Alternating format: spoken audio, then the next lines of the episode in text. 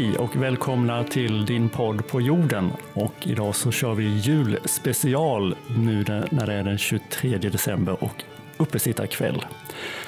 Därför har podden gått ut i Högloftsstugan som finns i museiparken.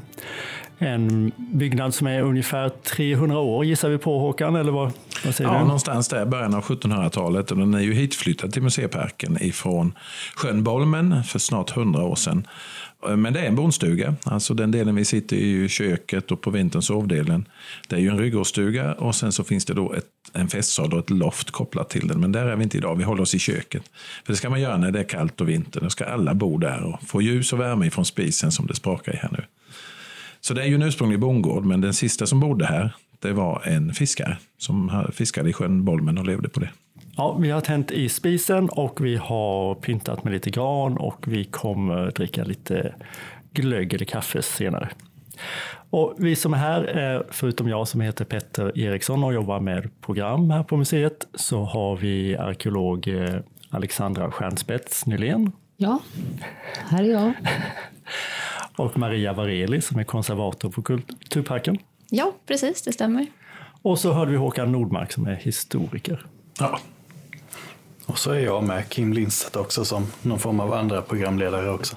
Och du kör också tekniken idag Kim? Ja. Vi börjar väl med jul och jultraditioner. Om jag håller upp den här så kan någon få beskriva vad det är för något. Maria? Mm. Det är en sån här härlig apelsin med nejlikor i som doftar nästan ända dit jag sitter. Oj. När började man med sånt här? Vet man det? Med kryddorna eller med apelsinen? Alltså, ja. Nejlikan har ju använts i eh, julmatlagning ända sedan 1400-talet, alltså senmedeltid. Kanske inte i, hos bondbefolkningen, men eh, nejlikor införskaffar man sig till eh, hoven naturligtvis eh, redan på medeltiden och också till eh, adeln som man då kallade frälset. Så det finns eh, förteckningar på att man har nejlikor. Och det blir en typisk julkrydda så småningom. Från början är det inte det, utan man har den ju i all fin mat. Men eh, sen har den först då förknippats med julen. Och det finns väl inte många glöggblandningar där det inte ingår nejlika. Sen apelsinen kommer senare. Ja, det borde eh, den väl göra. Det, det ja. gör den. Däremot eh, pomeranser som man kallar en, en typ av eh, citrusfrukt. Det kommer också faktiskt på 1500-talet. Jag har för mig att en av Gustav Vasas systrar var vansinnigt förtjust i pomeranser. Som inte riktigt är vår pomerans idag, men är en slags citrusfrukt. Eh, så mm, typen citrus och nejlika har funnits väldigt länge. Men just den där med att trycka in nejlika i en apelsin och kanske hänga upp i ett rött sidenband i fönstret. Det skulle jag säga är i princip efterkrigstid, alltså efter 1945. Men nu gissar jag bara. Ja. Ett av de bästa julpynten tycker jag. Mm, Näst ja. efter stjärnan. Jag instämmer ja. där. Och stjärnan är ju inte heller så gammal som man kan tro, men det kan vi ta längre fram. Ja, vad kan man säga om julfirande då och eh, nu? Ja, det man kan säga om allt eh, sånt här festfirande är ju att det är en ständig förändring. Vi tänker, åh, så här har det alltid varit och så har man kanske ett perspektiv bakåt. Man tror att man minns barndomen, men man glömmer bort vad som stod på bordet och hur det handlades in och hur affärer hade öppnat. Utan det är ju en ständig förändring. Eh, och eh, den största förändringen nu, om vi talar om idag, här 2020, det är ju att affärer faktiskt har öppet. Förr fanns det ju knappt affärer om vi går riktigt långt tillbaka. Och går vi bara 50 år tillbaka i tiden så var det ju reglerat hur man hade öppet vid helger och på helger. Det var ju bara sådana här nödvändighetsbutiker, mjölkaffärer som hade öppet. Så då gällde det att göra, köpa och göra i ordning maten innan eh, på ett helt annat sätt. Och det här så kallat catering som en del ska ha på julborden nu för tiden har jag hört, det var ju överhuvudtaget inte Eh, påhittat. Så, så det är en ständig förändring kan man säga, men vissa konstanter finns ju. Och för vår del här i Sverige så är det ju fläsk som är den konstanten verkligen när det gäller julfirandet, även om det blir fler och fler gröna julbord. Och det, det hade ju också varit otänkbart för 25-30 år sedan. Då var det några konstiga flummar i plyschkostymer som läste Muddemums-kokboken och var emot internationellt företagande. Och så. De kokade ett kålhuvud eller något sånt och hade på julbordet. Nu överdriver jag lite för det ska bli tydligt. men, men den här ständiga förändringen finns ju och nu är ju det vegetariska en allt större och mer naturlig del på julbordet. Eh, och kålen då, fläsk och kål skulle jag säga är konstant ja, ja. och kålen har fått ett uppsving och fläsket är lite nedåtgående. Men jag tror att det kommer säljas rätt så många kilo julskinka även i år. Men sillen då? Ja, sillen det är ju vår gamla stapelvara. Alltså saltsill är ju det vi har levt på. Ja, det är inget speciellt för festligheter bara. Utan... Nej, det är det inte, men eh, den har ut kvar då därför att när vi människor, alltså vi tror ju att vi är så urbana och Sveriges moderna, världens modernaste land nu för tiden, men det är ju inte mycket mer än hundra år sedan en riktigt stor majoritet av svenskarna bodde på landet. Och när sen då de här flyttade in till stan och blev förborgerligade, om vi kan säga det, då tog man med sig maten ifrån landet och hade det som ett minne. Alltså egentligen är det ju helt knäppt att man är inne på en asfalterad gård reser en midsommarstång och dansar runt den. Det finns inte en blomma så långt ögat når i miljonprogrammen, men ändå så tar man in eh, landets festseder till stan när eh, ja, vi blir stadsbor och lite mer borgerligt folk. Men eh, skapar man lite på de flesta av oss så är vi bönder bara någon generation bort. Eh, och då är ju sillen en del av basvaran där. Men kryddar man den extra och fint och så, då är det ju festvara verkligen. Men alla de sillkryddningarna vi har nu, de har ju överhuvudtaget aldrig men man kan lägga i västerbottenost och, och matjessill i sillen. Man blandar sillsorter. Ja, sillsallad har ju för all del funnits, men och det är lime på och man har i chili och allt möjligt bara för att det ska bli roligt. Men en, en vanlig saltsill som man steker det är fortfarande väldigt gott. Hur länge har fläsket hängt med då? Fläsket har väl hängt med sen vi fick grisar och det får Alexandra som är arkeolog svara på. Jag vet inte, när kommer grisen? Är det under Ja, bronsåldern? innan man firade jul i alla fall. Ja, man firar väl liksom möjligen då midvintern. Alltså, eh, om vi nu ska gå in på det här med festtider så har det ju med alltså årets eh, naturliga gång, alltså när det är ljust och när det är mörkt. Och, alltså sol, midvintersolståndet och sommarsolståndet och höst och vårdagjämning, de har ju firats, eller i varje fall uppmärksammas på olika sätt världen över. Och här hos oss rätt så långt norrut då, så blir de här så tydliga de här. Och då har det varit någon form av vändpunkt och då blir det kanske någon fest, någon religiös högtid eller något sånt här. Och eh, eh, grisen har man ju slaktat på hösten. alltså om de föds eh, någon gång under våren och sen så slaktar man på hösten. Då gör man ju med lamm också. Så om vi ska tala om en annan tradition, påsklammet hos oss är ju helt knäppt för de är ju knappt födda när vi firar påsk. Alltså, det finns ju en naturlig cykel när, när eh, fåren lammar. Eh, Så det bästa lammköttet får man, ja, alltså nu menar jag bokstavligen lammkött, jag vill inte låta som en gubbe här. Eh, Det får man ju på hösten och ändå så ska det vara på påskbordet och då får vi antingen liksom tvinga fåren att föda för tidigt eller köpa från Australien. Men då är det ju den kristna traditionen med offerlammet och, och sånt här som kommer in på ett helt annat sätt med påsken. Jag hörde för en tid sedan att eh, grisen i alla fall har 2000 år på nacken i Sverige. Kan det stämma, Alexandra? Jag tror det är mer. Minst. Minst. Minst, ja. Men som, som festmat kanske vid vintersolståndet kan man kanske möjligen hitta någonting och dra tillbaka den nästan 2000. Men jag tror inte det finns några skriftliga belägg för det. Jag vet inte vad det första fläskbelägget för Sverige är. Jag skulle säga Adam av Bremen som skriver det på 1000-talet berättar ju hur man eh, han har sett ett blot i Uppsala när man hänger upp eh, djurkroppar. Han påstår ju till och med att det är människokroppar. Nu är han en kristen missionär som kanske gärna vill berätta hur hemskt det är i hedniska landet. Så vi ska ta det med en nypa salt. Men att man har offrat djur. Och sen är man ju inte dumma. Man offrar ju inte allt. Man äter ju upp en del också. De var ju inte dumma bara för att de levde för länge sedan. Apropå levde för länge sedan, hade Vasa julgran. Kung. Du menar Gustav Vasa? Vasa. Nej, han hade verkligen ingen julgran. Julgranen är ju bara 150-170 år gammal egentligen. Men däremot att man tar in grönt och att man pryder det med eh, tyg med papper och så för att imitera blommor. Om vi går ut nu så det är inte så mycket som blommar ute. Men när det är fest så vill man ju ha grönt och blommor. Ja, då får man ta det som är grönt på vintern och då är det tall, gran, en. Eh, inte ens, eh, ja, de är de, de gröna kan man säga. Och så för att imitera då blommor så tar man eh, färgat papper, man tar metallbitar, man tar tyg och knyter i det. Eh, och det kan bli en början till granen kan man säga. Men annars har man ju haft träljusstakar. Eh, alltså julträd heter de. Som står på en liten fot och som pinnar rätt upp och så är det tvärpinnar som går horisontellt och på dem har man satt juläpplen när man har sparat från oktober. En typ av Ingrid Marie kan vi säga, eller små äpplen. Och så blir det rött och fint där och så tänder man ljus och så står det som ett julträd på bordet.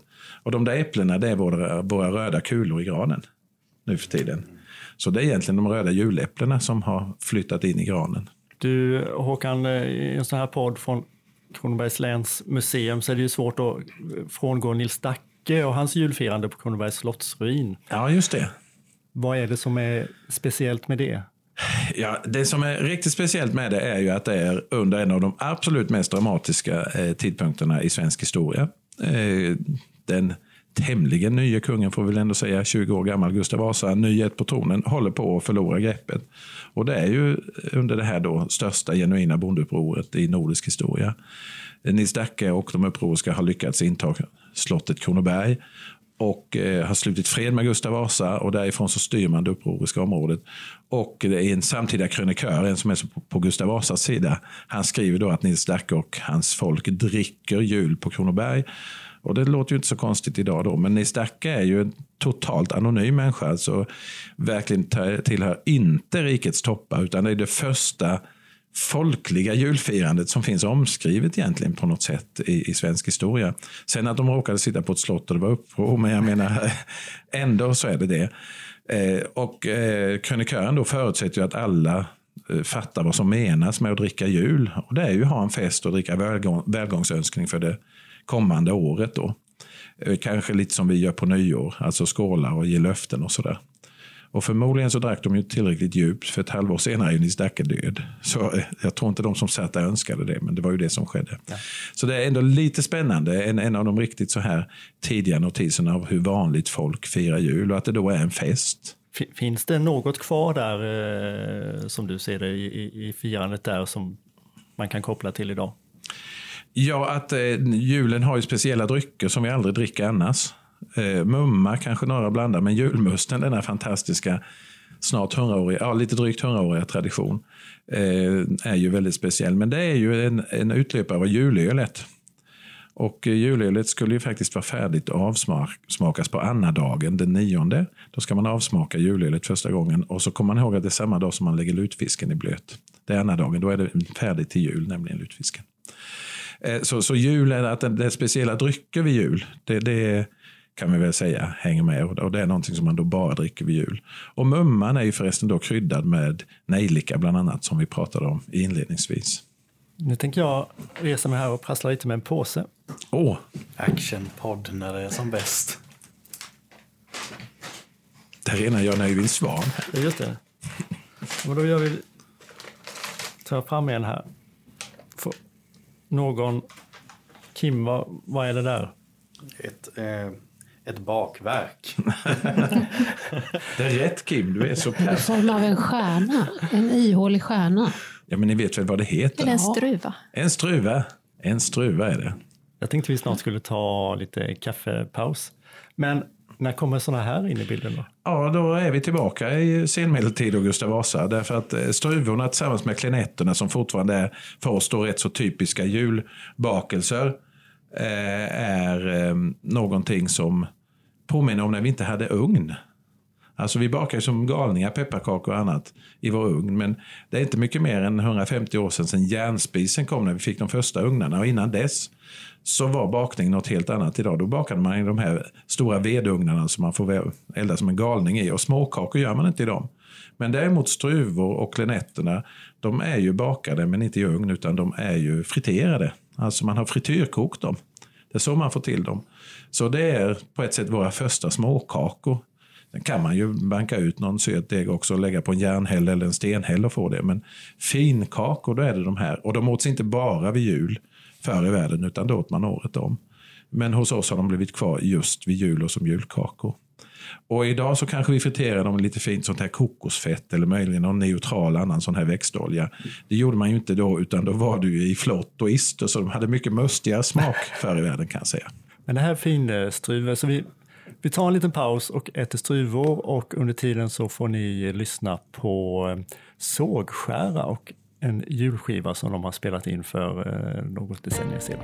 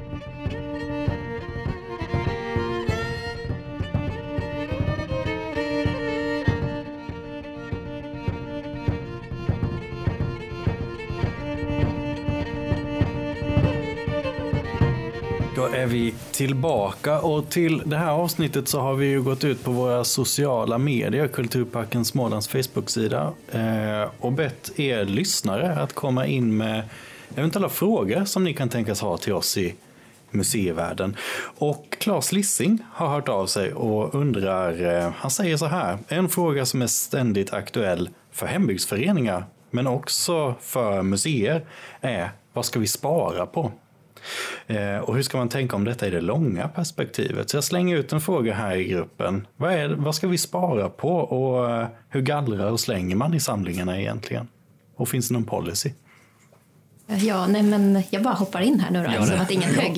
Ni Så tänker jag att det är viktigt att fundera på vad för samling man har, för det är den som lite berättar vad man ska spara på. Att man kanske har något som utmärker.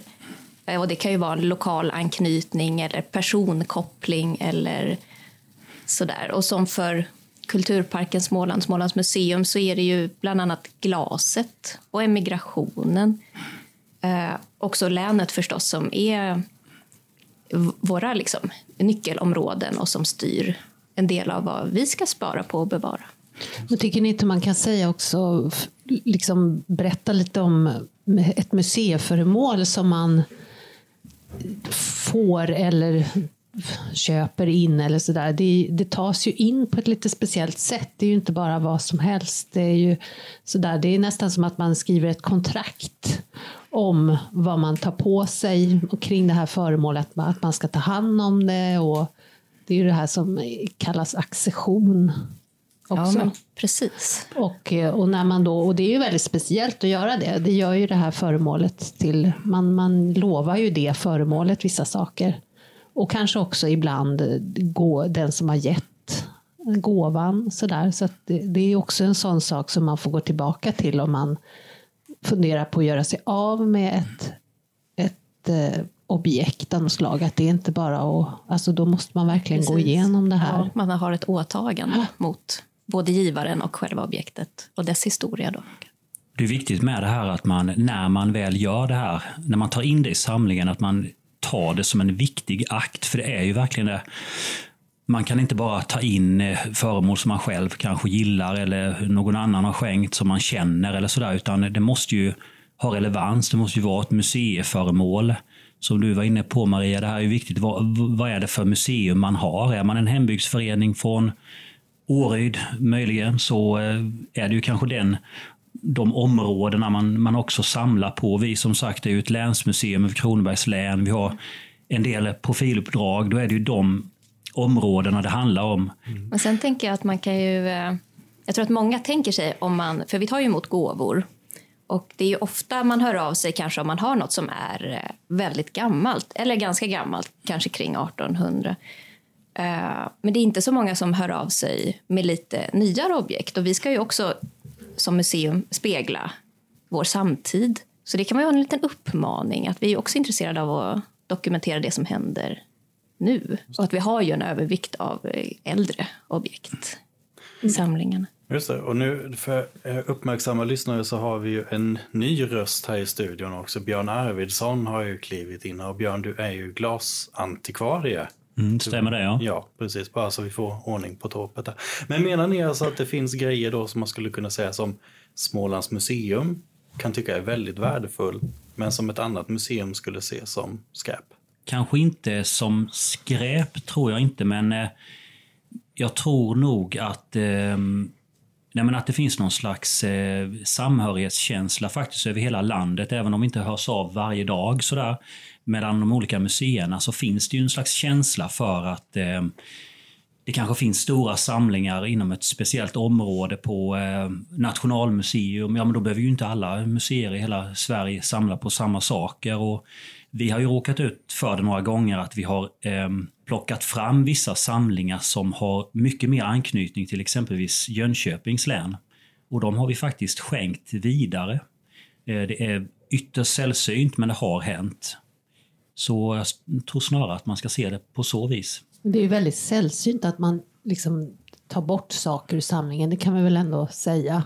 Men Ja. då, då är det ju just en, en nästan som en inte en ceremoni, men alltså det är ju ett visst förfarande där man liksom istället ska, istället för att plocka in det väldigt nogsamt så plockar man ut det nogsamt så att säga. Och det där, det gör man ju efter, det finns ju en hel del riktlinjer och sånt där om hur man ska gå tillväga när man gallrar i ett museum. Riksantikvarieämbetet här i Sverige har ju det till exempel, men också finns ju rikt, internationella riktlinjer och så. Utifrån en hembygdsförenings eh, perspektiv, då, vad, vad, hur skulle man kunna tänka där när det kommer till gallring? För där kan jag också se att det kanske fylls på och fylls på. Tiden och utrymmet blir till slut sätter en begränsning för vad man kan, vad man kan ha kvar. Ja, det tror jag. Det precis som Maria sa här, att, att respektive förening får fundera på vad det är som är ens kärnområde, så att säga. Vad, vad ens nuvarande samlingar bygger på. Och, eh, och sen är det ju hela tiden en, en avvägning mellan att inte bli liksom begravd i en samling eller helt gå under om man nu inte får nya medlemmar eller sådär. Då måste man ju på något sätt göra någonting. Men men också väga in de här väldigt ja, nästan et etiska frågorna kring de här föremålen. Så att jag tror att det viktiga är att man samlas i föreningen och pratar om det, ens kärnvärden och sen resonera kring varje föremål och, och försöker belysa det ur olika synvinklar och sen att man kanske dokumenterar verkligen vad, vad, man tar för beslut. För det är ju det är framförallt det, att man vill kunna följa kanske mm. senare generationer, vill kunna förstå varför man gjorde si eller så. Mm. tror jag är jätte, ja. jätteviktigt. Ja, vi, vi gör ju det inte alltid, men eh, ofta i alla fall så gör vi det även med nyförvärv idag. Ju, att vi, vi skriver liksom ett, någon slags beslut. Det behöver inte vara speciellt många ord, men vem som är ansvarig för det och också varför. Varför tar vi in det? Det räcker ju ofta med ett par ord kanske, eller en, en halv mening. Men det ger ganska mycket för framtiden ändå, om nu frågorna uppstår. Eh, sen tänker jag också på det här med eh, hembygdsföreningarna och man har eh, jättemycket föremål man drunknar i. Som du var inne på Alex, att man samlas, att man inte tar de här besluten själv eller att man känner att eh, man, man vill rensa bara för rensandets skull. Utan det här är ju museiföremål. Någon har skänkt dem. Eh, alla föremålen har ju någon typ av historia så att man verkligen kör hela linan ut. Titta tittar på varje föremål. Vad är det för någonting? Vem har gett dem till oss? Ehm, att man också tar hjälp av kanske länsmuseet på plats eller av Riksantikvarieämbetet eller vad det nu är. Och det finns ju även ICOM, de här internationella eh, museiorganisationen där det finns också väldigt mycket riktlinjer man kan titta på och följa och så att man gör det rätt helt enkelt och dokumenterar då så att alla vet varför man tog ut det här föremålet. Jag tänker att det är en väldigt bra fråga och det viktigaste, eller en av de viktigaste sakerna förutom det som ni har nämnt är ju kanske att man tar det aktiva valet. Att man inte bara blundar för att det står samlingar kanske någonstans som är eh, inte har möjlighet att förvaras på bästa sätt. Och då, det som händer då är att det blir en slags passiv gallring där saker i värsta fall förstörs av att man inte har, har inte haft möjlighet att ta hand om dem på bästa sätt kanske. Så det är mycket bättre att sätta sig ner, samlas, ta hjälp av sådana här riktlinjer och, och ta aktiva gallringsbeslut istället för att låta det bara... Och sen kan man ju också fundera på vad man gör med de här sakerna som man till slut kanske bestämmer sig för att ta bort. Mm. Och då, alltså museer har ju ett system för där man kan lägga ut och fråga om det är någon annan som är intresserad och sådär. Så det är ju det man ser framför sig kanske att man bara hivar det på tippen liksom, men så går det inte riktigt till.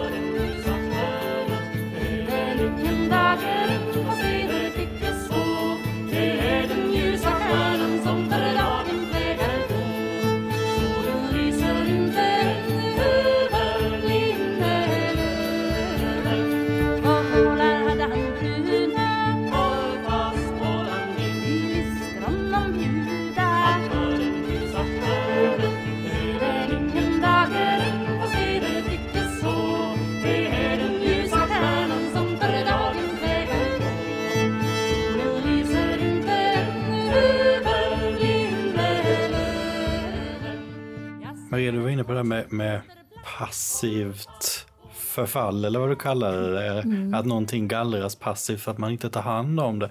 Eh, en annan fråga som har kommit in här det är ju, eh, och det handlar ju lite om konservering. Mm. Och det är en som är nyfiken på om det finns några tips kring vad den kan göra för att konservera grejer själv hemma som den har. Tavlor till exempel eller så.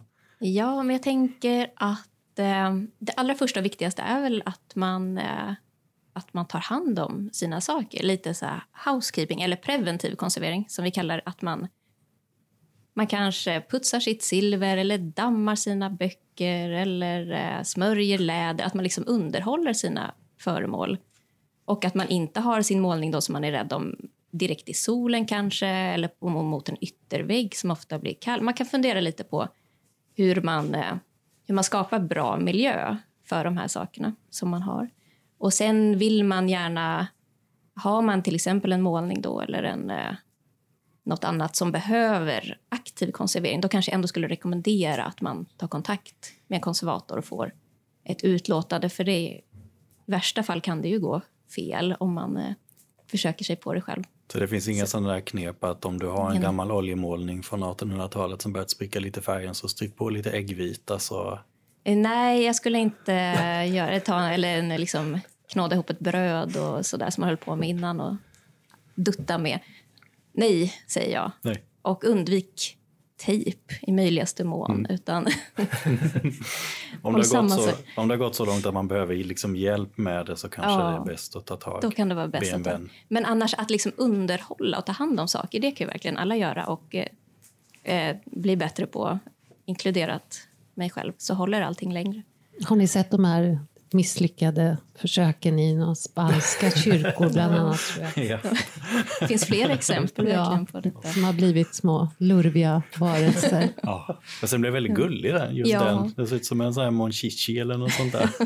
Jag gillar ju att spara på gamla tidningar och sådär. Och ha, mm. ha, um, ska de ligga i en plastback eller hur ska jag ha dem i papperspåse? Eller hur? Eh, nej, men då skulle jag väl... Eh, det finns ju papper papper och papper och just tidningspapper är ju ganska, de blir snabbt gula eh, av nedbrytning. De blir väldigt syrahaltiga.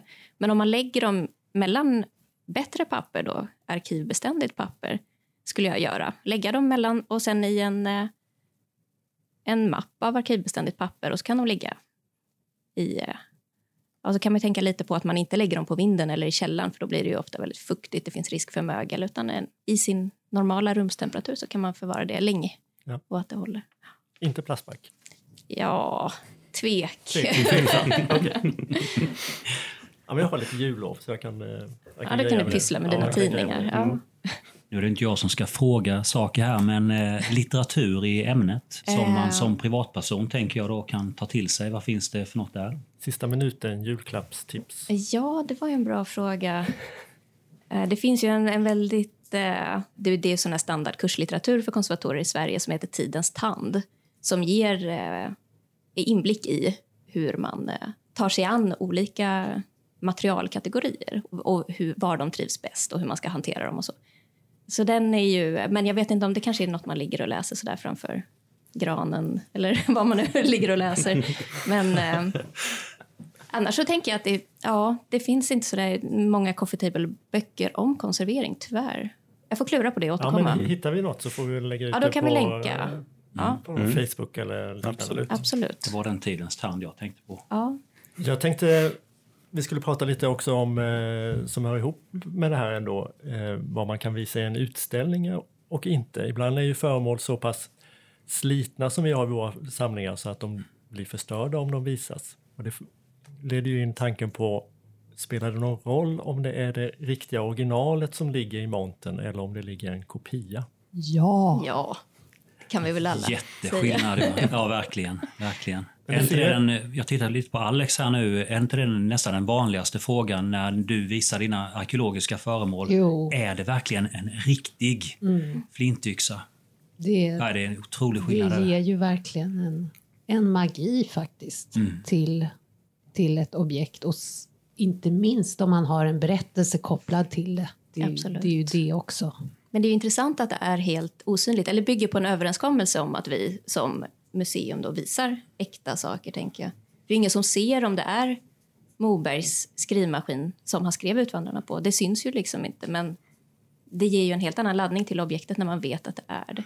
En Och det, man, överenskommelse. det är en överenskommelse Ja. som man inte får bryta.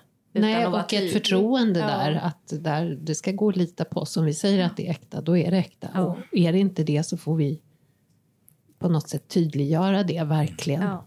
För det är ju en väldigt svår fråga ibland.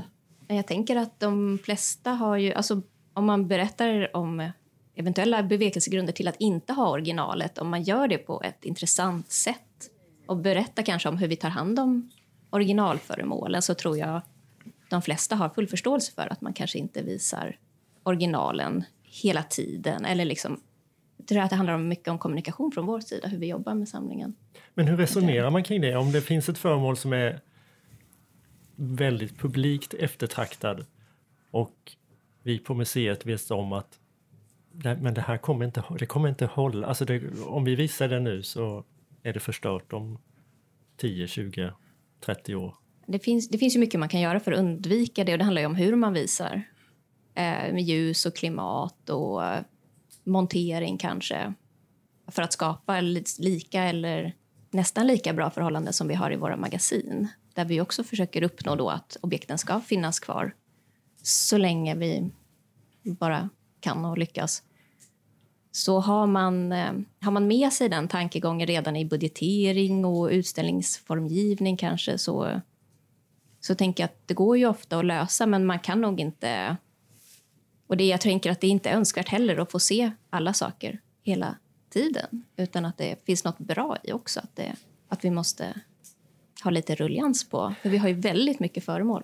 Men vi sitter ju just nu i möten till exempel om, om både mo, originalmanuskript från Mobergs utvandrarromaner och vi har också haft uppe frågan om en ny forntidsutställning som vi har, hur vi ska visa järnföremålen som är ganska sköra på många sätt. Sådär. Så att, eh, men som du sa Maria, där kan man ju just med papper och sådär, det handlar det mycket om ljus och fukt och så. Så att det, då får man vi har till exempel lampor som kanske tänds när man kommer nära eller sådär och i övrigt är det släckt och så. Och skulle det vara så korta eh, perspektiv som du var inne på Petter med, vad sa du, tio år?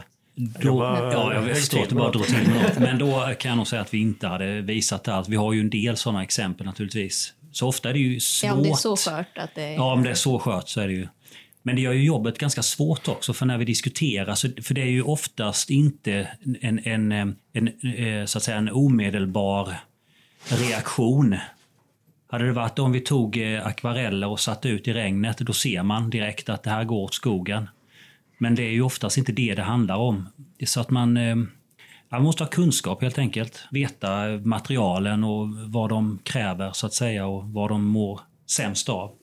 Ja, precis. Vi Men vi kommer rätt. inte undan det här för att om vi bara, om vi bara skulle visa kopior, då, jag menar, då, då förstör vi den här magin på något sätt också. Och den här, Ja, nej, det känns ju inte som ett äh, alternativ. Men det är inte helt... Ja, jag tror vi har... Det är roligt att få sitta och prata om det här så här i en podd. För det är ju mycket av arbetet på ett museum som är lite bakom kulisserna. Hur vi jobbar med samlingen till exempel. Medan utställningarna ofta är fönstret utåt. Och ju mer vi liksom pratar om de här olika avvägningarna, desto bättre, tänker jag. Och desto lättare att göra utställningar där det här blir väl avvägt. För vi ska ju visa nu, men vi ska ju också kunna visa för framtida generationer. Eh, sen har det kommit in en arkeologifråga och den är kort och koncis. Hur vet, man, ma- hur vet man var man ska söka efter tidigare byar och boplatser? Är det på måfå eller? nej, det är inte på måfå, men det, är, det kan inte bli ett kort och koncist svar. Det är svårt att ge. det bygger på, det bygger på en, liksom erfarenheter som man har som arkeolog och historiker. Och därför man, kan man ta hjälp av bland annat ehm, eh, lösfynd som har hittats eh, i marken. Ibland hittar man ju yxor och ja, olika redskap och sådär vid jordbruk och, och andra byggnationer och sådär som ändå, de är visserligen tappade kanske, men det kan ändå, koncentrationer av sånt kan ändå liksom indikera saker. Också såklart har vi ju i Sverige ett eh, register över fornlämningar som är kända, som ju är rester av, av människors verksamhet från olika tider. Så det kan ju också indikera var, om, om ett bygge ligger nära en känd fornlämning så kan man ju misstänka att det finns andra spår i närheten. Eh, och sen såklart är ju gamla kartor också väldigt bra.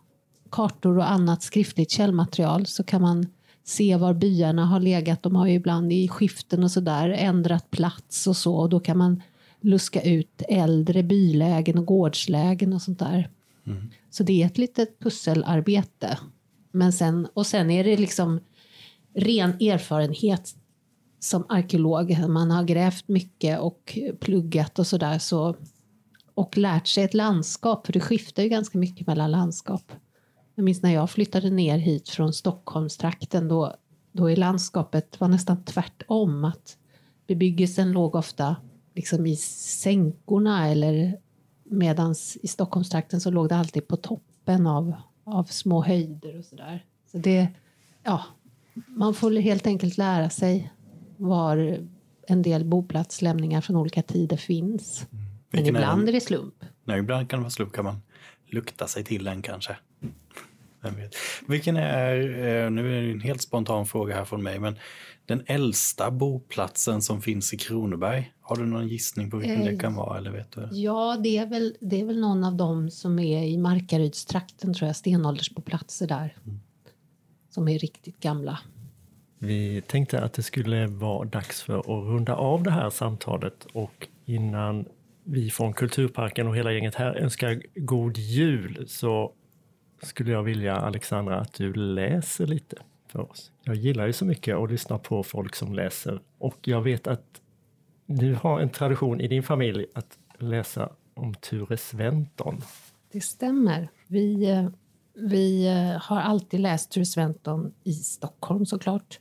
Då eftersom jag är uppvuxen där och Ture Sventon i Stockholm utspelar sig i mina barndomskvarter. Mm. Så för mig är det jättemycket stämning. Och bara för det så ska jag även ta på mig min mössa som det står Vasastan ja. på. Tomtebogatan i Stockholm är en enastående trevlig gata. Det hörs ju redan på namnet. Vem som nu kan ha hittat på det. Det låter nästan otroligt att det kan finnas en gata med ett så trevligt namn. På den gatan inträffade emellertid för några år sedan en hel del dunkla och hemska tilldragelser som reddes upp av privatdetektiv Ture Sventon på hans vanliga, skickliga och raska sätt.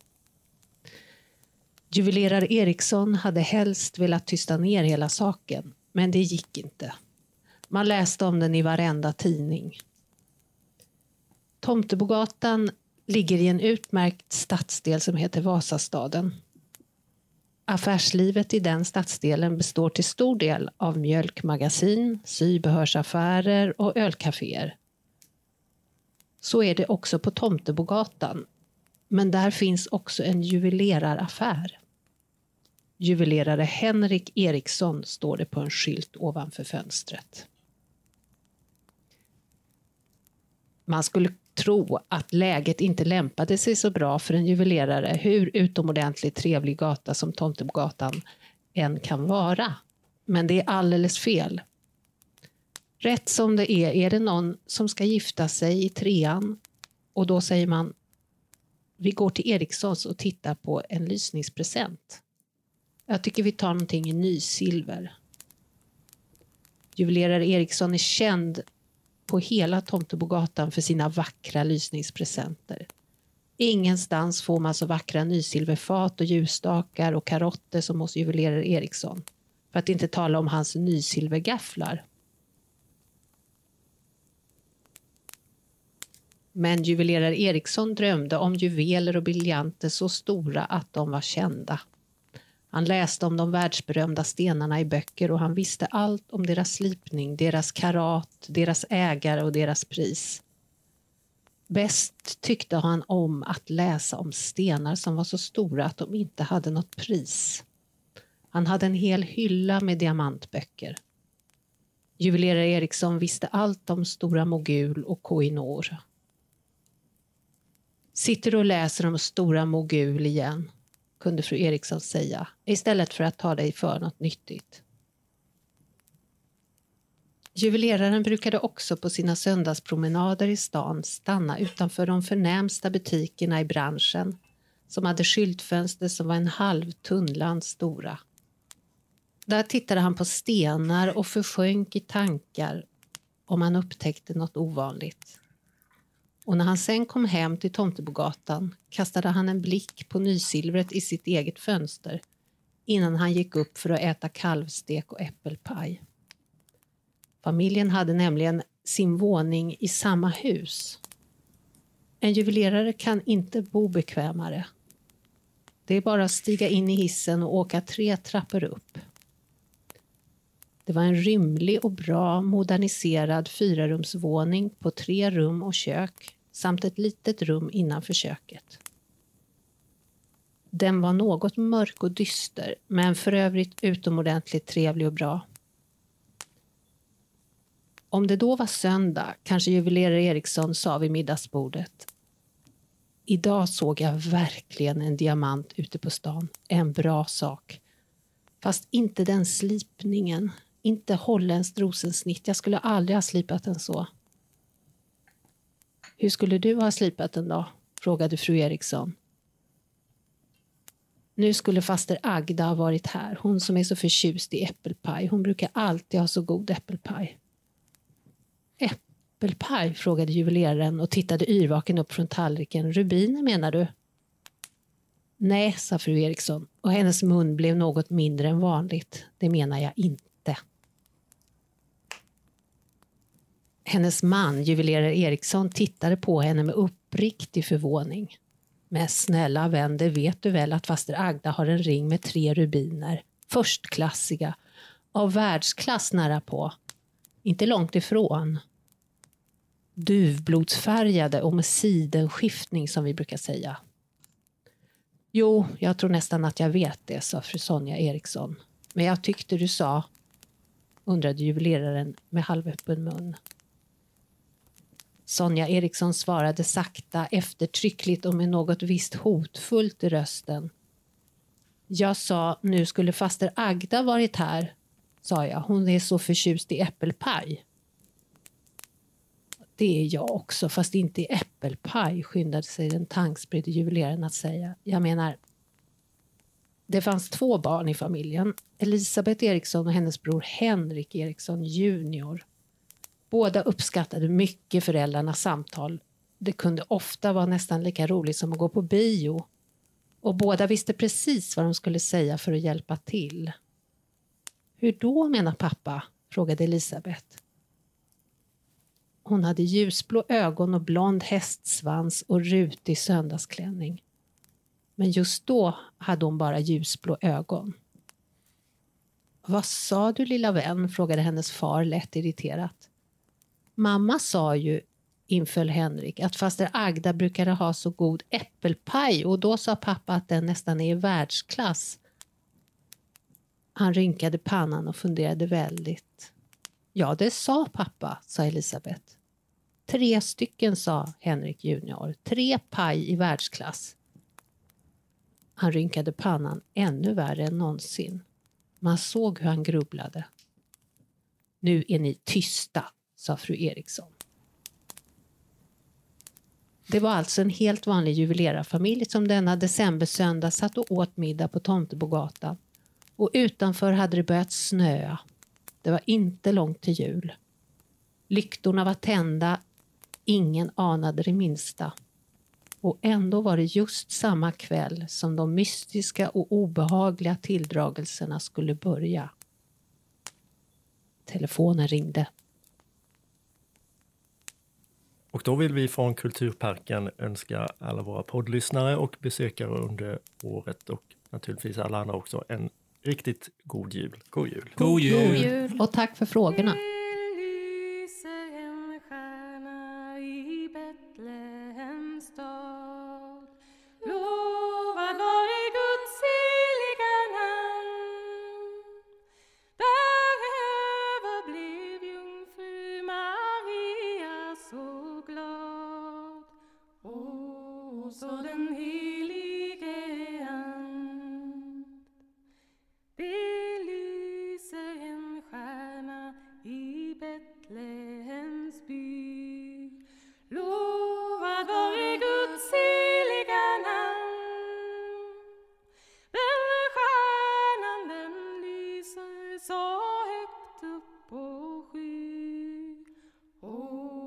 Så den helige And.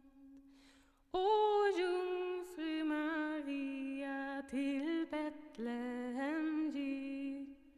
Lovad vare Guds heliga namn. O, Jesus kär Du har hört din podd på jorden julspecial del 1. Medverkande var arkeolog Alexandra Stjernspets Nylén, Konservator Maria Vareli. historiker Håkan Nordmark, Glasantikvarie Björn Arvidsson. programledare Petter Eriksson.